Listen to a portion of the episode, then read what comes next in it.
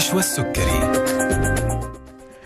السلام عليكم ورحمة الله تعالى وبركاته. تحية طيبة لكم مستمعينا أينما كنتم. وأهلا وسهلا فيكم في حلقة جديدة من طبابة عبر أثير إذاعتنا ألف ألف أف أم الموجة السعودية.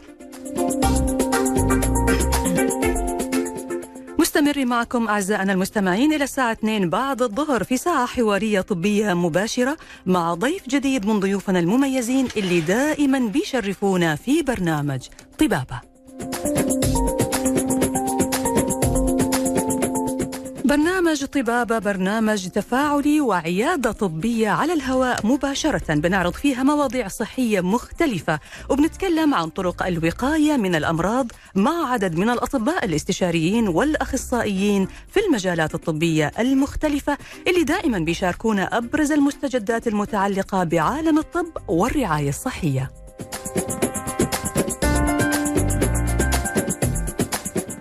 يسعدنا تواصلكم معنا على واتس البرنامج 055 66 89 01 أو بإمكانكم التواصل معنا على جميع حساباتنا على مواقع التواصل الاجتماعي فيسبوك تويتر إنستغرام واليوتيوب.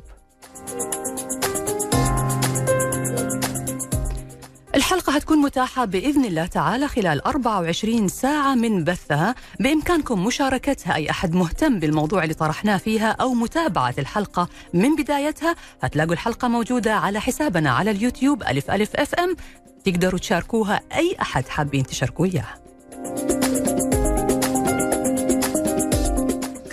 بسم الله على بركة الله. نبدأ حلقتنا اليوم وأنا هكون معاكم. أنا نشوى السكري في حلقة اليوم من طبابة مع ضيف جديد مميز من ضيوفنا اللي دائما بيشرفونا في البرنامج. موضوع حلقتنا اليوم مستمعينا الأعزاء عن الأطفال. العديد من الأطفال بيصابوا بأمراض في قلوبهم النضرة تتراوح هذه الحالات بين بسيطة ومعقدة بين التي يمكن أن يكون علاجها سهل والأخرى قد يكون علاجها صعبا أو تلك التي تحتاج إلى تدخل علاجي أو تدخل جراحي والأخرى التي لا تحتاج إلا إلى رعاية ومتابعة.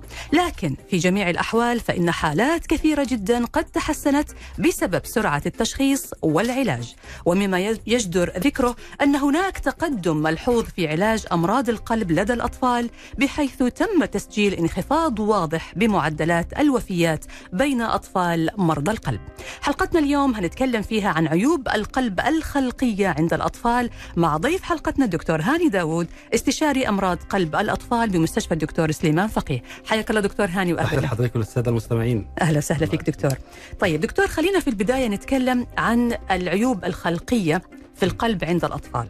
أبرز العيوب الخلقية اللي بتكون موجودة عند الأطفال ويعني أحيانا بيولد فيها الطفل واحيانا ثانية بتجي بعد فترة يعني. طبعا هناك عيوب بسيطة وعيوب معقدة. العيوب البسيطة زي الثقوب القلبية اللي كل الناس تعرفها. العيوب المعقدة زي انعكاس الشرايين واختلال مجرى الأوردة الرئوية ومرض رباعي فلو. نعم. وتوقيت الظهور بيختلف على حسب المرض. تمام. طيب خلينا دكتور الآن آه نتكلم عن نوع معين منتشر ربما وهو آه ثقوب القلب لدى الأطفال. آه إيش هي ثقوب القلب هذه؟ وهي أحد العيوب الخلقية طبعا. طبعا الثقوب القلبية إحنا عندنا في القلب في أربع غرفات في الأذين الأيمن والأذين الأيسر وفي بينهم جدار مم. وفي بطينين وفي بينهم جدار بطيني. نعم. تمام؟ فإذا في ثقب في الجدار الأذيني نسميه ثقب في الجدار الأذيني أو ثقب أذيني إذا في ثقب في الجدار اللي بين البطينين نسميه ثقب بطيني تمام فدول أشهر أنواع الثقوب القلبية نعم نيجي لنوع أكثر تعقيدا شوية. اللي هو ال- الجزء الفاصل بين الأذينين والبطينين دي بنسميه القناة الأذينية البطينية مم. ممكن يكون أيضا في ديفكت أو ثقب كبير في القناة الأذينية البطينية.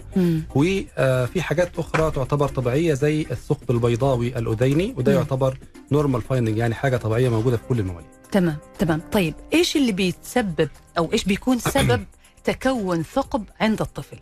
يعني هناك أسباب بيئية وأسباب وراثية. مم. يعني قد تكون موجودة في بعض الأطفال لكن لا نستطيع أن نضع إصبعنا على سبب الثقوب في 100% من الأطفال. مم. وبالتالي دايما نقول للاهل لا تشغلوا بالكم بالسبب لأن الرعاية الطبية كانت على أكمل وجه.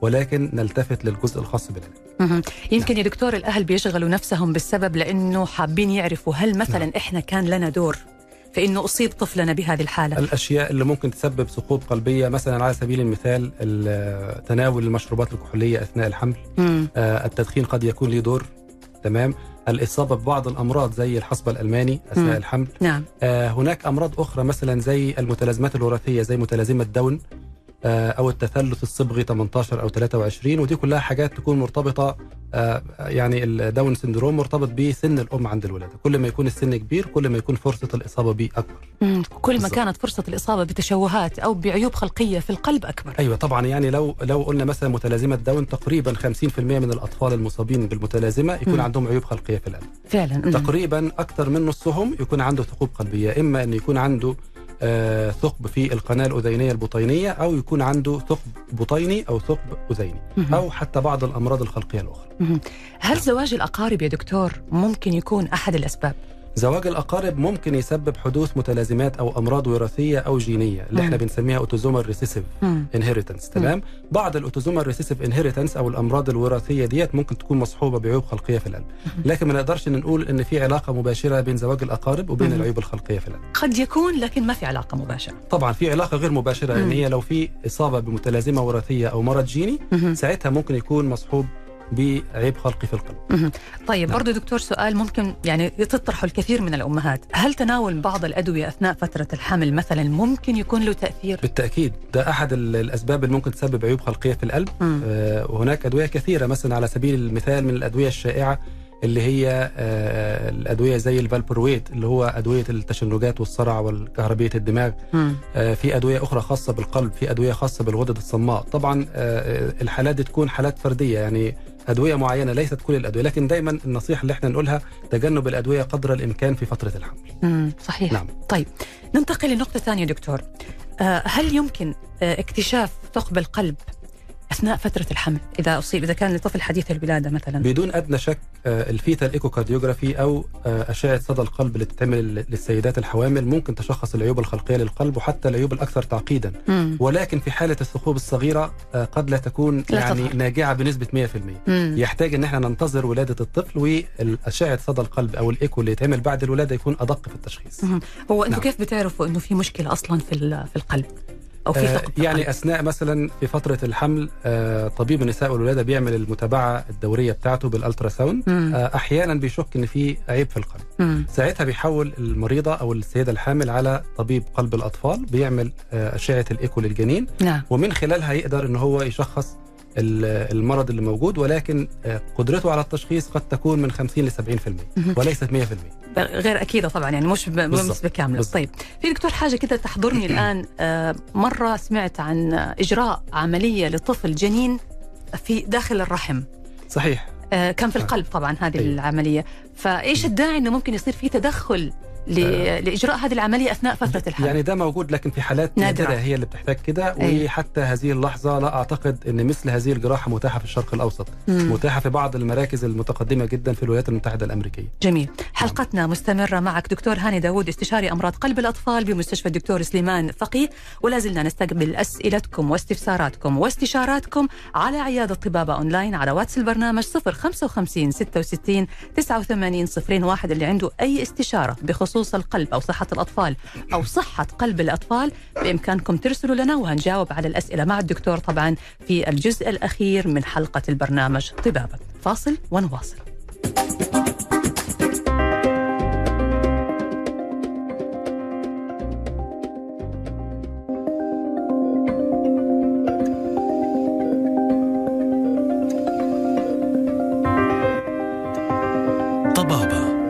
نشوى السكري. حياكم الله من جديد مستمعينا وأهلا وسهلا فيكم في برنامج طبابة على ألف ألف FM الموجة السعودية ومع ضيف حلقتنا اليوم الدكتور هاني داوود استشاري أمراض قلب الأطفال بمستشفى الدكتور سليمان فقيه. موضوعنا اليوم موضوع مهم عن عيوب القلب الخلقية عند الأطفال. أرحب فيك دكتور هاني مرة ثانية. أهلا وسهلا بحضرتك. يا هلا وسهلا.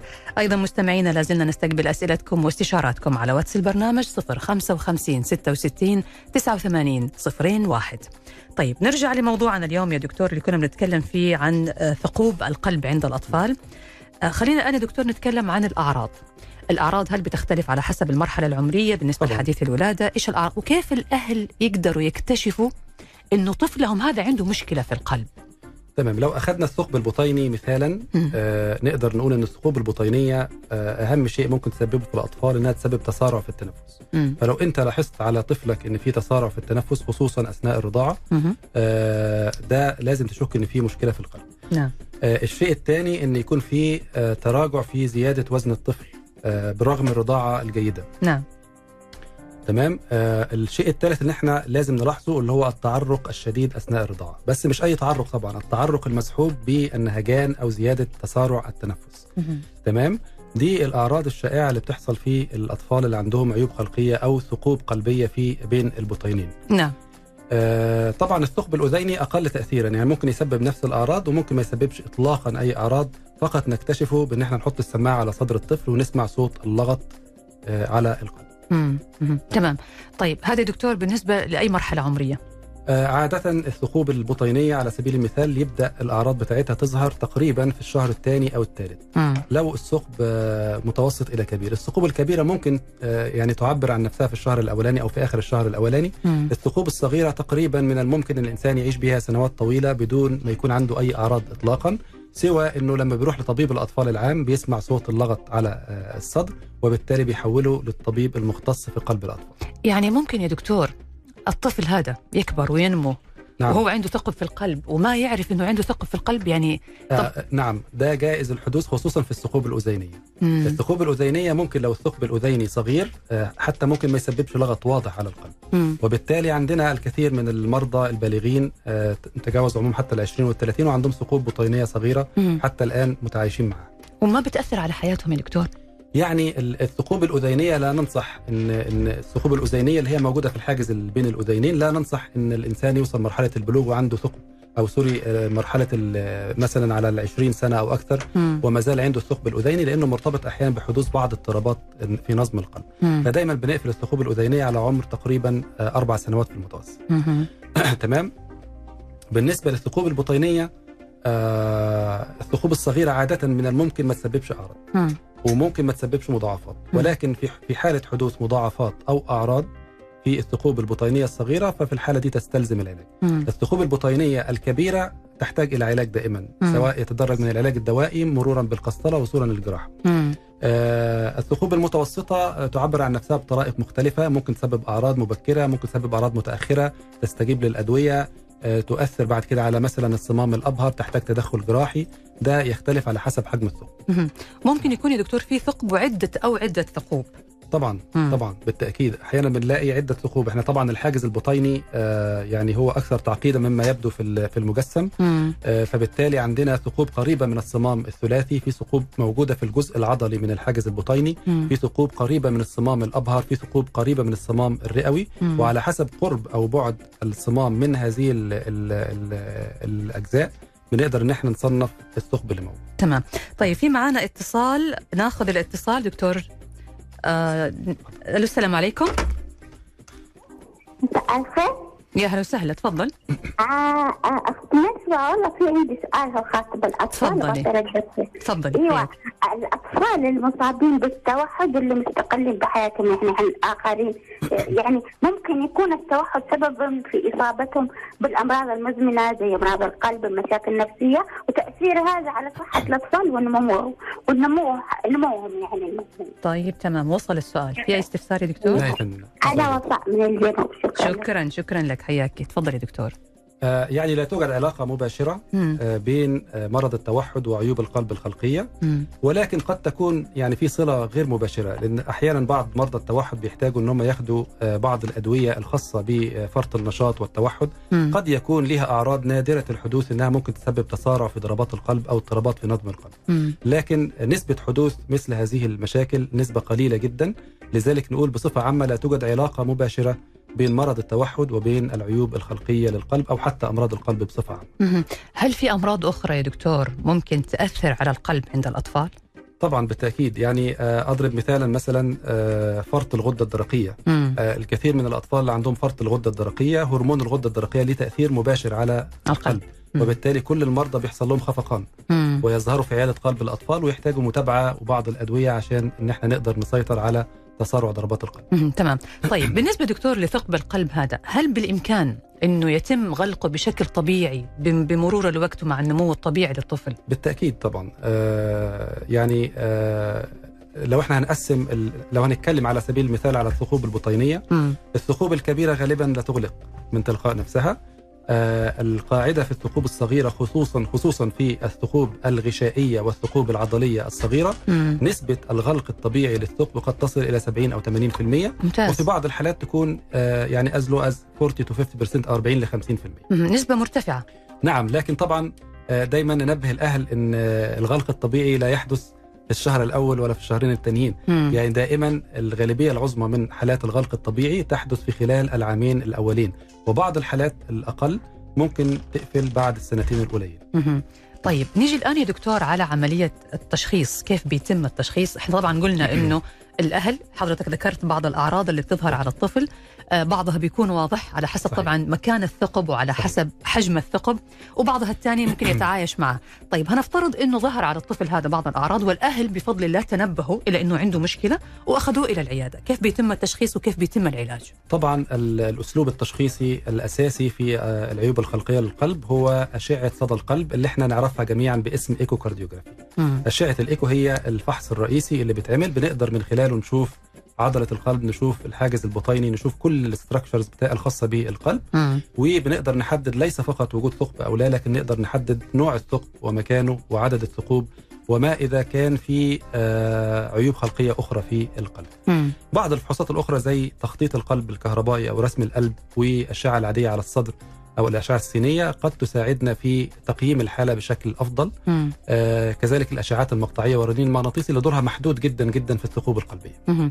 متى يا دكتور بيتم التدخل آه، في علاج ال- القلب يعني مثلا هل في وقت معين حضرتك قلت إنه في بعض الأنواع يفضل إنه إحنا ننتظر لإنه ممكن الثقب هذا يلتئم نعم. تلقائيا بشكل طبيعي آه، متى يكون في احتياج ضروري لتدخل علاجي أو تدخل جراحي طبعا قبل ما نجاوب على السؤال دوت لازم نقول آه، إيه هي أخطر مضاعفات ممكن تحصل مع الثقوب القلبي. أخطر مضاعفات أو أو المضاعفات اللي إحنا لابد ننتبه ليها اللي هي ما نسميه إحنا بهبوط القلب الاحتقاني أو heart failure. أو ارتفاع ضغط الشريان الرئوي. إذا كان المريض عنده آه، حاجة من من ال- العرضين دول أو المضاعفين دول يحتاج الطفل إلى التدخل الجراحي في أقرب وقت. نعم تمام؟ أيوه آه، لكن في بعض الحالات الطفل بيكون عنده ثقب صغير أو ثقب متوسط ما عندوش فشل قلب احتقاني ما عندوش ارتفاع في ضغط الشريان الرئوي. مم. الصمامات القريبة من الثقب سليمة تماما لا يوجد ارتجاع في الصمام الأبهر مثلا لا يوجد التهاب حوالين الثقب أو في الصمامات. آه، الطفل ما عندوش أعراض وزنه بيزيد بشكل طبيعي. الإيكو بيقول إن ما فيش توسع في آه، البطين الأيسر فبالتالي لا يوجد استعجال لأنه الاستعجال قد يأتي بنتائج عكسية أحيانا. فلا بد إن إحنا نحدد التوقيت المناسب لغلق الثقب مم. متى يكون يا دكتور التوقيت المناسب يعني لو قلنا على سبيل المثال مثلا آه، إحنا دائما بنميل إن إحنا آه، الإصلاح الجراحي يكون بعد ست شهور الأولى. في حالات نادرة نضطر إن إحنا نصلح بالجراحة ثقب القلب قبل ست شهور. بالذات في الحالات اللي فيها heart failure اللي هو فشل القلب الاحتقاني أيوة. أو ارتفاع شديد في ضغط الشريان الرئوي. تمام بعد الست شهور من ست شهور إلى سنة ممكن نقول الشريحة اللي هي الثقوب البطينية الكبيرة اللي عندها أعراض قوية ولكن آه، يعني ال- الاحتقان القلبي أو آه، الهبوط القلبي الاحتقاني قادر إن هو يستجيب على الأدوية فبالتالي طالما بيستجيب على الأدوية ممكن نأخر العلاج الجراحي إلى نهاية السنة الأولى. لكن في الثقوب ال- المتوسطة ممكن نعالج الطفل على العام الثاني أو العام الثالث في. الثقوب الصغيرة لا يوجد قاعدة لأن الثقب الصغير قد ما كانش يلتئم. فيه أعراض فبنسيبه إن هو يلتئم خلال السنتين أو الثلاثة ده طبعا كلامي كله على الثقوب البطينية. جميل يا دكتور. نعم. حلقتنا مستمرة معك دكتور هاني داوود استشاري أمراض قلب الأطفال. هنعرف بعد الفاصل متى يتم اللجوء إلى استخدام القسطرة القلبية مع الأطفال وكيف يتم رعاية الطفل المريض بثقوب في القلب أو بعيوب خلقية بشكل عام. لكن بعد ما نطلع فاصل قصير نستقبل خلاله أسئلتكم واستفساراتكم واستشاراتكم على واتس البرنامج 055 66 89 01 فاصل. وراجعين.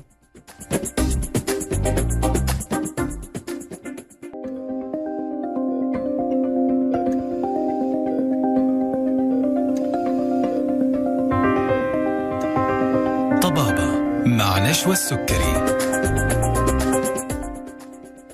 حياكم الله من جديد مستمعينا وأهلا وسهلا فيكم في طبابة. معي أنا نشوى السكري وعلى الهواء مباشرة في ساعة طبية حوارية مباشرة مع ضيف حلقتنا الدكتور هاني داوود استشاري أمراض قلب الأطفال بمستشفى الدكتور سليمان فقيه. وموضوعنا اليوم عن عيوب القلب الخلقية عند الأطفال ولا زلنا نستقبل أسئلتكم واستشاراتكم على واتس البرنامج 055 66 89 صفرين واحد.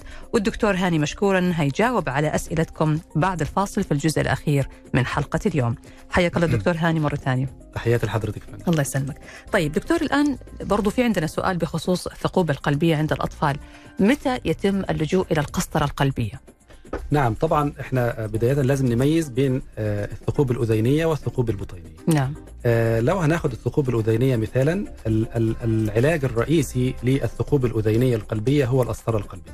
تصلح في الغالبية العظمى من ال- الثقوب الأذينية بشرط أن يكون الثقب له حواف جيدة وبالتالي نقدر إن إحنا ندخل بالقسطره وبنسيب جهاز معين مصنوع من مادة معينة متألفة مع جسم الإنسان ونسيبها في مكان الثقب في هذا المكان بالتحديد. معلش يا دكتور هو برضو اللي ما يعرف هو إيش هي القسطرة القلبية؟ أيوه القسطرة القلبية تكون عبارة عن غرفة مجهزة زي غرفة العمليات بنسميها مختبر القسطرة مم. ال- الطفل في الغالب بيكون آه، مخدر تخديرا كليا نعم وبالتالي بندخل القسطرة عبارة عن أنابيب طويلة بنقدر ندخل الأول من خلال الوريد الفخذي والشريان الفخذي مم. ونمشي بالقسطرة آه، أو بالقسطرة في خلال الوريد الاجوف السفلي مم. ومن خلال الوريد الاجوف السفلي آه، اللي هو دوت بالتحديد مم. الوريد الاجوف السفلي مم. هذا الوريد ندخل مم. بالقسطرة إلى الأذين الأيمن مم. ومن الأذين الأيمن نعبر آه، ثقب الثقب الأذيني إلى البط... إلى الأذين الأيسر مم. ثم نفتح الجهاز له شقين عامل زي الفراشة butterfly مم. نفتح الشق آه، الأيسر من الجهاز وبعد كده نفتح الشق الأيمن نتأكد إن الجهاز أغلق الثقب غلقا محكما وبالتالي بعد كده نقدر إن إحنا نفصل الجهاز عن القسطره ونخرج بالقسطره من الوريد الفخذي كما دخل. هذا اللي بيس يعني أنتم كده أغلقتوا الثقب الاذين نعم يكون الثقب الاذيني أغلق تماما في حالات يعني قليلة جدا مم. آه، بنلجأ للحل الجراحي وده بيكون تقريبا في نسبة أقل من آه، 5 إلى 10% آه، لما طبعا ال- ال- القسطره ال- غلق الثقب الأذيني بالقسطره يحتاج الطفل يكون في سن ووزن معين مم. عادة بيكون في السن من 3 إلى 4 سنوات أو فيما بعد ذلك حتى في ال- الكبار مم.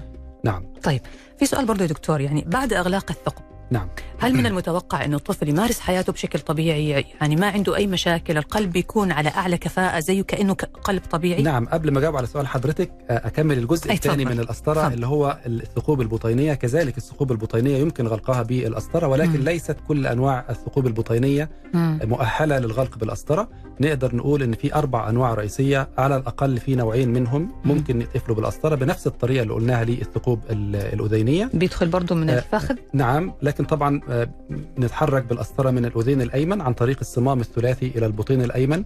وفي في النهاية يعني نضع الجهاز آه، الشق الأيسر في البطين الأيسر والشق الأيمن في آه، البطين الأيمن ويتم غلق الثقوب خصوصا الثقوب العضلية اللي موجودة في هذا الجزء العضلي مم. من الحاجز البطيني. تمام دكتور آه، إجابة على سؤال حضرتك بعد آه، إجراء القسطرة وغلق الثقب غلقا محكما مم. آه، إذا غلق الثقب بالقسطره بالطريقة المحكمة ال- الصحيحة آه، الطفل يقدر يمارس حياته طبيعيا بنسبة 100% بعد اجراء القسطره.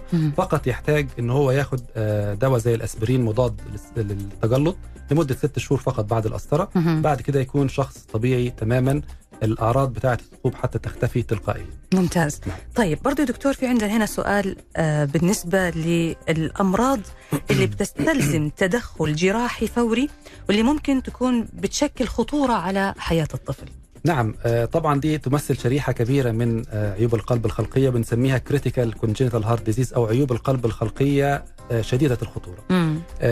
طبعا نقدر نقسمها إلى جزئين رئيسيين. في عيوب معقدة يكون فيها تركيب القلب بشكل عام طبيعي يكون في بطينين للقلب. ال- ال- البطين هو بمثابة الموتور بتاع القلب. مم. فبالتالي ال- لابد الموتور يكون للشقين الأيمن والأيسر. نعم. فإذا العيوب معقدة ولكن في حجم طبيعي للبطينين بيكون الحل أيسر مهما كانت درجة تعقيد العيب الخلقي. لكن النوع الآخر واللي بيكون يعني أقل حظا في العلاج اللي هو حالات البطين الواحد البطين الواحد يكون عندنا آه، بطين واحد تم تكونه بشكل طبيعي والبطين الآخر ضامر. ضامر بمعنى إنه كأنه مش موجود. آه، لو أخذنا على سبيل المثال مثلا الحالات المعقدة اللي فيها بطينين طبيعيين هنقول إن أشهر ال- ال- العيوب الخلقية اللي ممكن تسبب آه، شيء زي كده آه، مسألة انعكاس الشرايين. يعني بمعنى زي ما إحنا شايفين إن ال- الشريان الرئوي يخرج من البطين الأيمن مم. الشريان الأبهر من البطين الأيسر مهم. في حالة انعكاس الشرايين يحصل العكس مم. الرئوي يكون من البطين الأيسر والشريان الأبهر يكون من البطين الأيمن وهذه خطورته إيش يا دكتور؟ طبعا خطورته ان إن ما بيحصلش اختلاط الدم بالشكل الطبيعي وبالتالي الطفل يكون آه، لونه أزرق ومستوى الأكسجين يكون أقل من الطبيعي نكون مخفض أيوة. الطبيعي يكون 95% فما فوق لكن في حال في الحالات اللي زي كده يكون الأكسجين في السبعينات أو الثمانينات في المية مم. زائد أمثلة أخرى زي مثلا مرض رباعي فالو. وده أكثر آه، أمراض القلب الخلقية اللي ممكن تسبب زرقة في في القلب مم. إلى جانب العديد من الأمراض ال- الأخرى ولكن آه، ألقي لمحة سريعة على آه، أمراض البطين الواحد في أمراض البطين الواحد يكون المدخل بتاع الصمام بتاع البطين أو مخرجه يكون فيه ضمور مم. فمثلا لو في ضم- ضمور في الصمام الثلاثي يحصل ضمور في البطين الأيمن لو في ضمور في الصمام المترالي والصمام الأبهر ممكن يسبب ضمور في البطين الأيسر إلى جانب آه، حالات أخرى آه، آه، يكون فيها أحد البطينين تكون بشكل طبيعي والبطين الآخر لم يتكون وفي هذه الحالة تكون الحالة أكثر تعقيدا اللي إحنا بنسميها سنجل فنتركل أو البطين الواحد الواحد نعم. نعم. بس هذه دكتور الأمراض اللي حضرتك ذكرتها طبعا بيكون اكتشافها واضح جدا من البداية من بداية ولادة الجنين وربما كمان من أثناء فترة الحمل طبعا ال- الأمراض الخطيرة اللي زي كده آه، لا يسمح ابدا بالتأخير في التشخيص لأن التأخير يوم واحد فقط ممكن يأثر على حياة الطفل يعني هو الطفل بيولد أصلا لونه أزرق أعتقد يعني. طبعا في في بعض هذه الأمراض الطفل بيولد لونه أزرق في. بعض الأمراض الأخرى الطفل بيكون يعني خلال السويعات الأولى اللون بتاعه ما يلفتش النظر قوي لكن بعد كده. يبدأ ال- الزرقه مم. آه، لكن في مش دايما الأمراض ال- المعقدة بيكون فيها زرقة شديدة الوضوح في في الأيام الأولى. مم. لأن مثلا لو أخذنا على سبيل المثال آه، من أكثر الأمراض الخادعة في عيوب القلب الخلقية إن يكون عندنا الشريان الأبهر. هنا في آه، ضيق شديد في الشريان الأبهر ودي من ضمن الحالات اللي ممكن ال- المريض يتولد. وتكون كل العلامات الحيوية شبه طبيعية لكن بعد أسبوع أو أسبوعين يرجع الطفل عنده تسارع في التنفس مم. عنده هبوط في الدورة الدموية ويحتاج تدخل سريع جدا آه، لنتجنب المشاكل الكبيرة بتاعته. جميل طيب آه بالنسبة يا دكتور للأطفال المصابين بمشاكل في القلب عيوب خلقية أو نعم. أي مشاكل طبعا الطفل من هذا النوع بيحتاج رعاية ومتابعة خاصة من قبل الأهل وتعامل مختلف في كل مراحل عمره بالتأكيد. آه كيف يتم رعاية الطفل؟ إحنا معنا اتصال؟ طيب ناخذ اتصال الأول يا. دكتور وبعدين نجاوب على السؤال. ألو السلام عليكم. يا هلا عليكم وسهلا عليكم السلام. آه الله يعافيك. أنا آه في عندي صديق آه ابنه سوى إيكو مرتين. آه وال آه، في الإيكو الثاني يعني في الإيكو الأول قالوا آه trivial آه regurg و- وال echo الثاني ال follow up اللي اللي بعد ستة شهور قالوا آه آه لو. فالطفل عمره تقريبا ست ست سنوات أو سبع سنوات. آه وقالوا كمان إنه آه لا هو يعني صراحة كيف اكتشفوا إنه هو مع اللعب آه دقات القلب عنده شوية تزيد. يعني الولد طبيعي جدا يلعب ويروح ويجي ما في أي شيء. فهل إنه ممكن يزيد آه بعد آه تقريبا آه، مثلا سنة سنتين ولا إحنا يعني مثلا ما نقدر نحكم؟ لازم لازم بال بالإيكو. أيوة في سؤال عند حضرتك يا دكتور؟ لا يا فندم السؤال واضح جدا. طيب تمام. شكرا لك أخي الكريم تفضل يا شكرا دكتور. دكتور هاني آه، شكرا تحياتي يا فندم. آه، طبعا ال trivial regurgitation أو الارتجاع الطفيف آه، يتوقف على حسب نوع الصمام. في صمامين عندنا عندنا أربع صمامات في القلب اللي هم الصمام الثلاثي والصمام التاجي الصمام الرئوي والصمام الأبهر. عندنا صمامين اللي إحنا بنشاور عليهم دلوقتي اللي هم الصمام الثلاثي والصمام الرئوي. من الطبيعي أو الفسيولوجي إن يكون فيهم ارتجاع طفيف وبالتالي لا يعتبر الارتجاع الطفيف في الصمامين دول مرضا. مم. ولكن الارتجاع آه، من الصمام المترالي والصمام الأبهر لابد يؤخذ بشيء بقدر أكبر من الاهتمام. نعم. فلو أخذنا مثلا مثالا ال- الصمام ال- ال- التاجي أو المترالي والصمام الأبهر. لابد قبل ما نقول إن في ارتجاع لابد نشخص سبب الارتجاع. تمام. هل سبب الارتجاع هل هو ارتجاع بسبب خلل تركيبي موجود في الصمام؟ في الحالة ديت آه، نشوف شدة الارتجاع ونشوف إذا كان محتاج الصمام تدخل جراحي ولا لا مهم. طبعا التدخل الجراحي ما بيكونش في الحالات البسيطة ولا المتوسطة مم. بيكون في الحالات الشديدة مم. لكن الارتجاع اللي وصفه آه، أخونا الفاضل اللي هو ارتجاع الطفيف آه الارتجاع الطفيف ممكن يكون ارتجاع وظيفي يعني ارتجاع فسيولوجي فبالتالي. الارتجاع الطفيف لا يمثل خطورة. ولا يحتاج تدخل جراحي وممكن ما يحتاجش أدوية كمان يعني ممكن يحتاج فقط. أدوية يحتاج فقط المتابعة كل سنة أو سنتين بال echocardiogram تمام تمام نعم. الله يعافيه يا رب إن شاء الله ويحفظه. لكم يا رب آمين. طيب إحنا حلقتنا مستمرة معاك دكتور لكن خلينا الآن قبل ما نطلع فاصل أسأل ال- المخرج كم باقي معنا وقت لسه معنا دقيقة قبل الفاصل طيب دكتور إحنا كنا قبل الاتصال اللي جانا بنتكلم عن رعاية الطفل مريض القلب اللي عنده مشاكل خلقية في القلب أو عنده مشكلة بشكل عام أو حتى ضعف في عضلة. القلب أو غيره كيف يراعوه الأهل وكيف تتم متابعته بشكل مستمر طبعا دايما نس يعني نسأل السؤال دوت من الأهل ولكن نقدر نقول إنه على حسب العيب الخلقي اللي موجود في القلب مم. في حالات العيوب القلبية اللي مصحوبة بزرقة. يعني نقص الأكسجين الشديد لابد الأهل يكونوا آه، يعني منتبهين جدا لنسبة تشبع الأكسجين أو منتبهين لشكل آه، آه، مستوى الزرقة اللي موجود مم. فبالتالي إذا شعروا إن مستوى الزرقة اللي موجود بيزيد أكتر مهم. الطفل بيحصل له نوبات زرقان أكتر لابد إن هم يراجعوا طبيب قلب الأطفال في أسرع وقت نعم تمام أيضا كذلك الاهتمام بنظافة الفم والأسنان مهم جدا بالنسبة للأطفال المصابين بالقلب عشان نقلل خطر حدوث التهابات قلبية اللي هي مرتبطة بالميكروبات اللي موجودة في تجويف الفم والأسنان آه يعني ممكن يكون الفم مدخل لكثير من الميكروبات طبعاً. تدخل على القلب طبعا مباشرة أي طفل مصاب بعيب خلقي في القلب خصوصا عيوب الصمامات مم. لابد النصيحة الأولى اللي إحنا نقولها مم. المتابعة المنتظمة مع طبيب الأسنان مهم. والعلاج السريع والفعال لأي تسوس أو أي مشكلة موجودة في الأسنان. والنصيحة الأخيرة اللي نقولها اللي هي المجهود اللي ممكن يبذله الطفل لابد ال- الأب أو الأم قبل ما يخرجوا من عيادة قلب الأطفال يسألوا الطبيب على حاجتين. مم. الحاجة الأولى المجهود المسموح به للطفل. الحاجة الثانية ما إذا كان الطفل آه مثلا في حالة إن هو يعمل عملية جراحية لأي سبب من الأسباب هل يحتاج إن هو ياخد مضاد حيوي أو لا؟ تمام يا دكتور. حلقتنا مستمرة معك دكتور هاني داوود استشاري أمراض قلب الأطفال بمستشفى الدكتور سليمان فقيه ولا زلنا نستقبل أسئلتكم على واتس البرنامج 055 66 89 صفرين واحد. بعد الفاصل هنرجع نسأل الدكتور عن الخفقان والإغماء اللي بيكون عند بعض الأطفال وبعد كذا كمان هنعرف هل في تأثير لأمراض القلب أو مشاكل القلب على المستوى الدراسي للأطفال. هنعرف الإجابة على هذه الأسئلة بعد ما نرجع من الفاصل.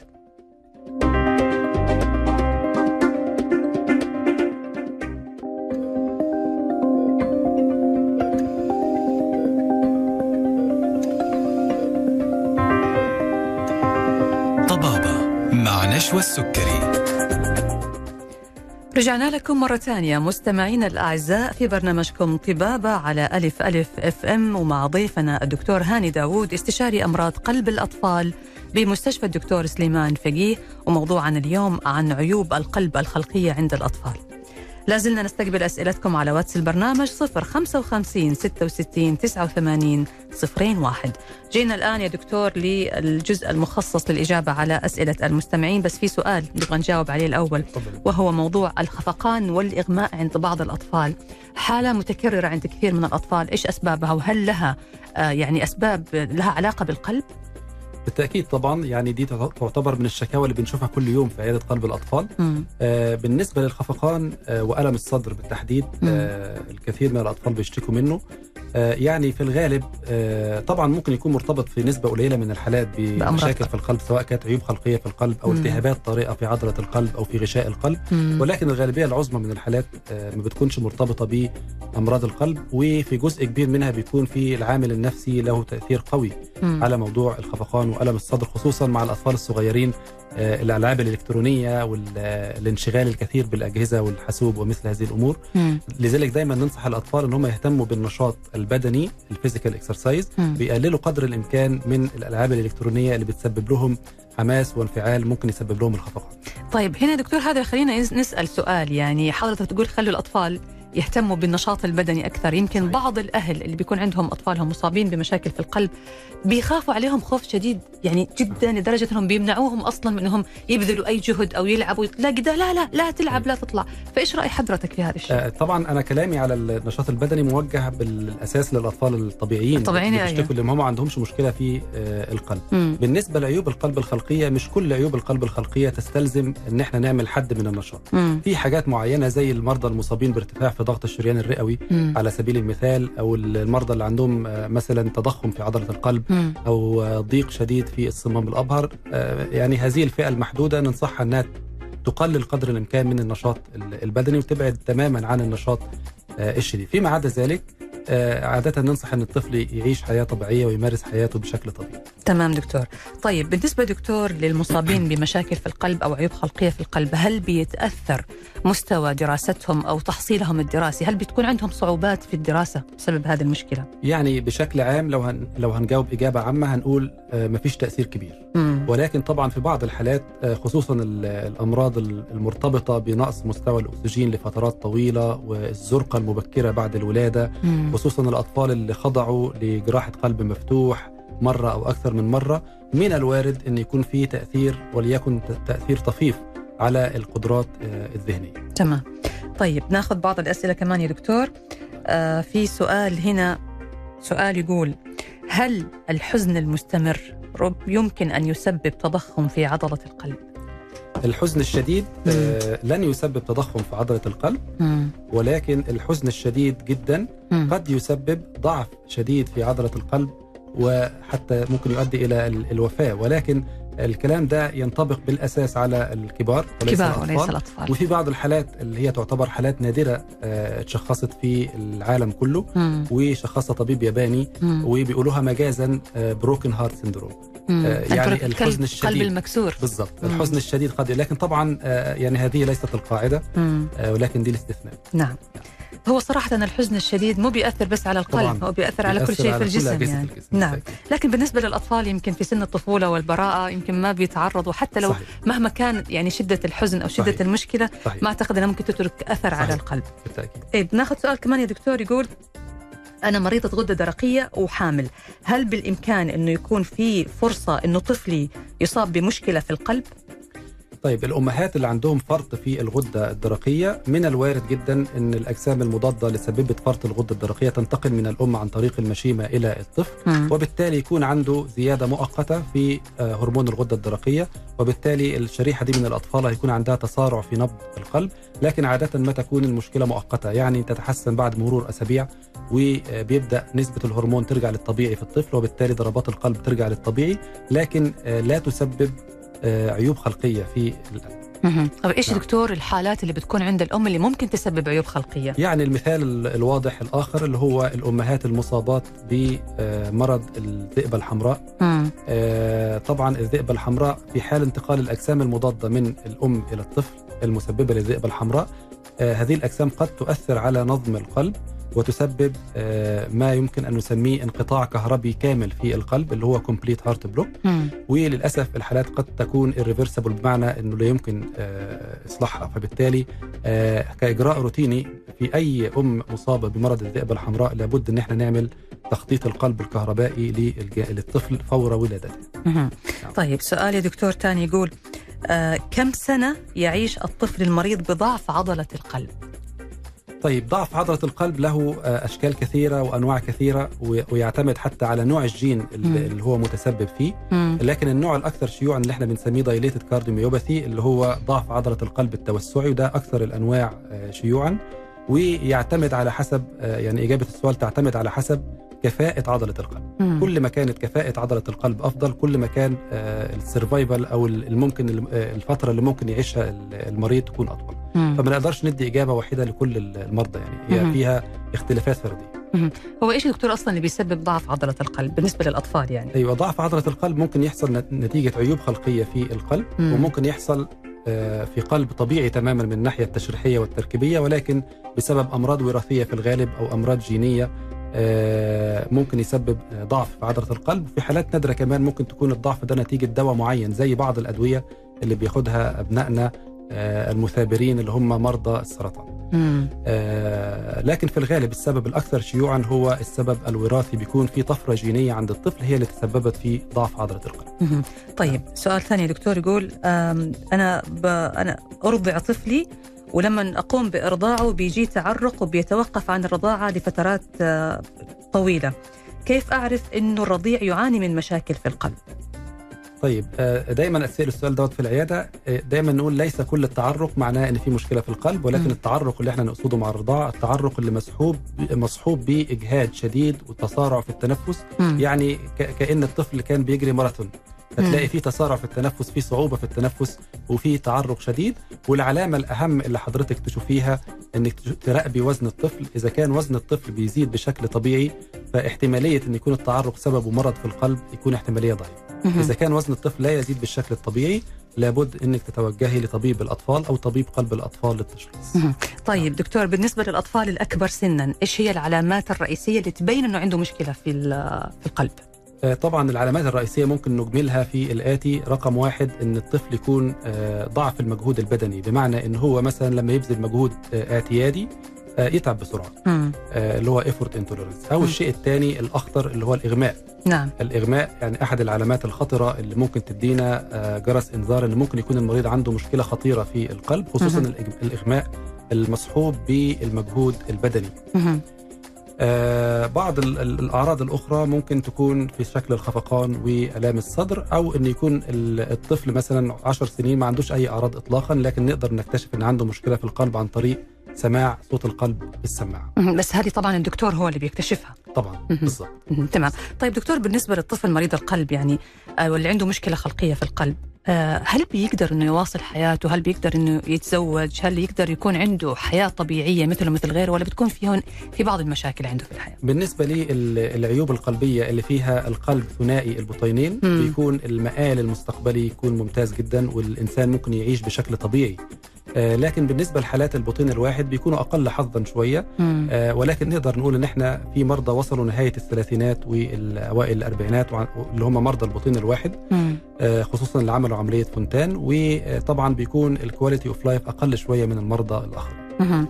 طيب في سؤال يا دكتور يقول طفلي أجرى عملية لإغلاق الثقب آه كنت حابة أعرف كيف نتعامل معاه في الفترة اللي جاية وإيش المطلوب منا إحنا علشان نراعيه بشكل متكامل يعني بعد عملية إغلاق الثقب آه، إذا كانت العملية الغلق الثقب دوت غلق محكم فبالتالي الطفل بيعود لحياته الطبيعية ما. لم يكن هن- هناك أي آثار من ما قبل العملية أو من العملية الجراحية زي ارتفاع ضغط الشريان الرئوي أو ارتجاع في أحد الصمامات الأساسية آه، أو مثلا ضعف في عضلة القلب أو ما إلى ذلك يعني. إذا ما كانتش المضاعفات ديت موجودة الطفل بيعيش حياة طبيعية جدا.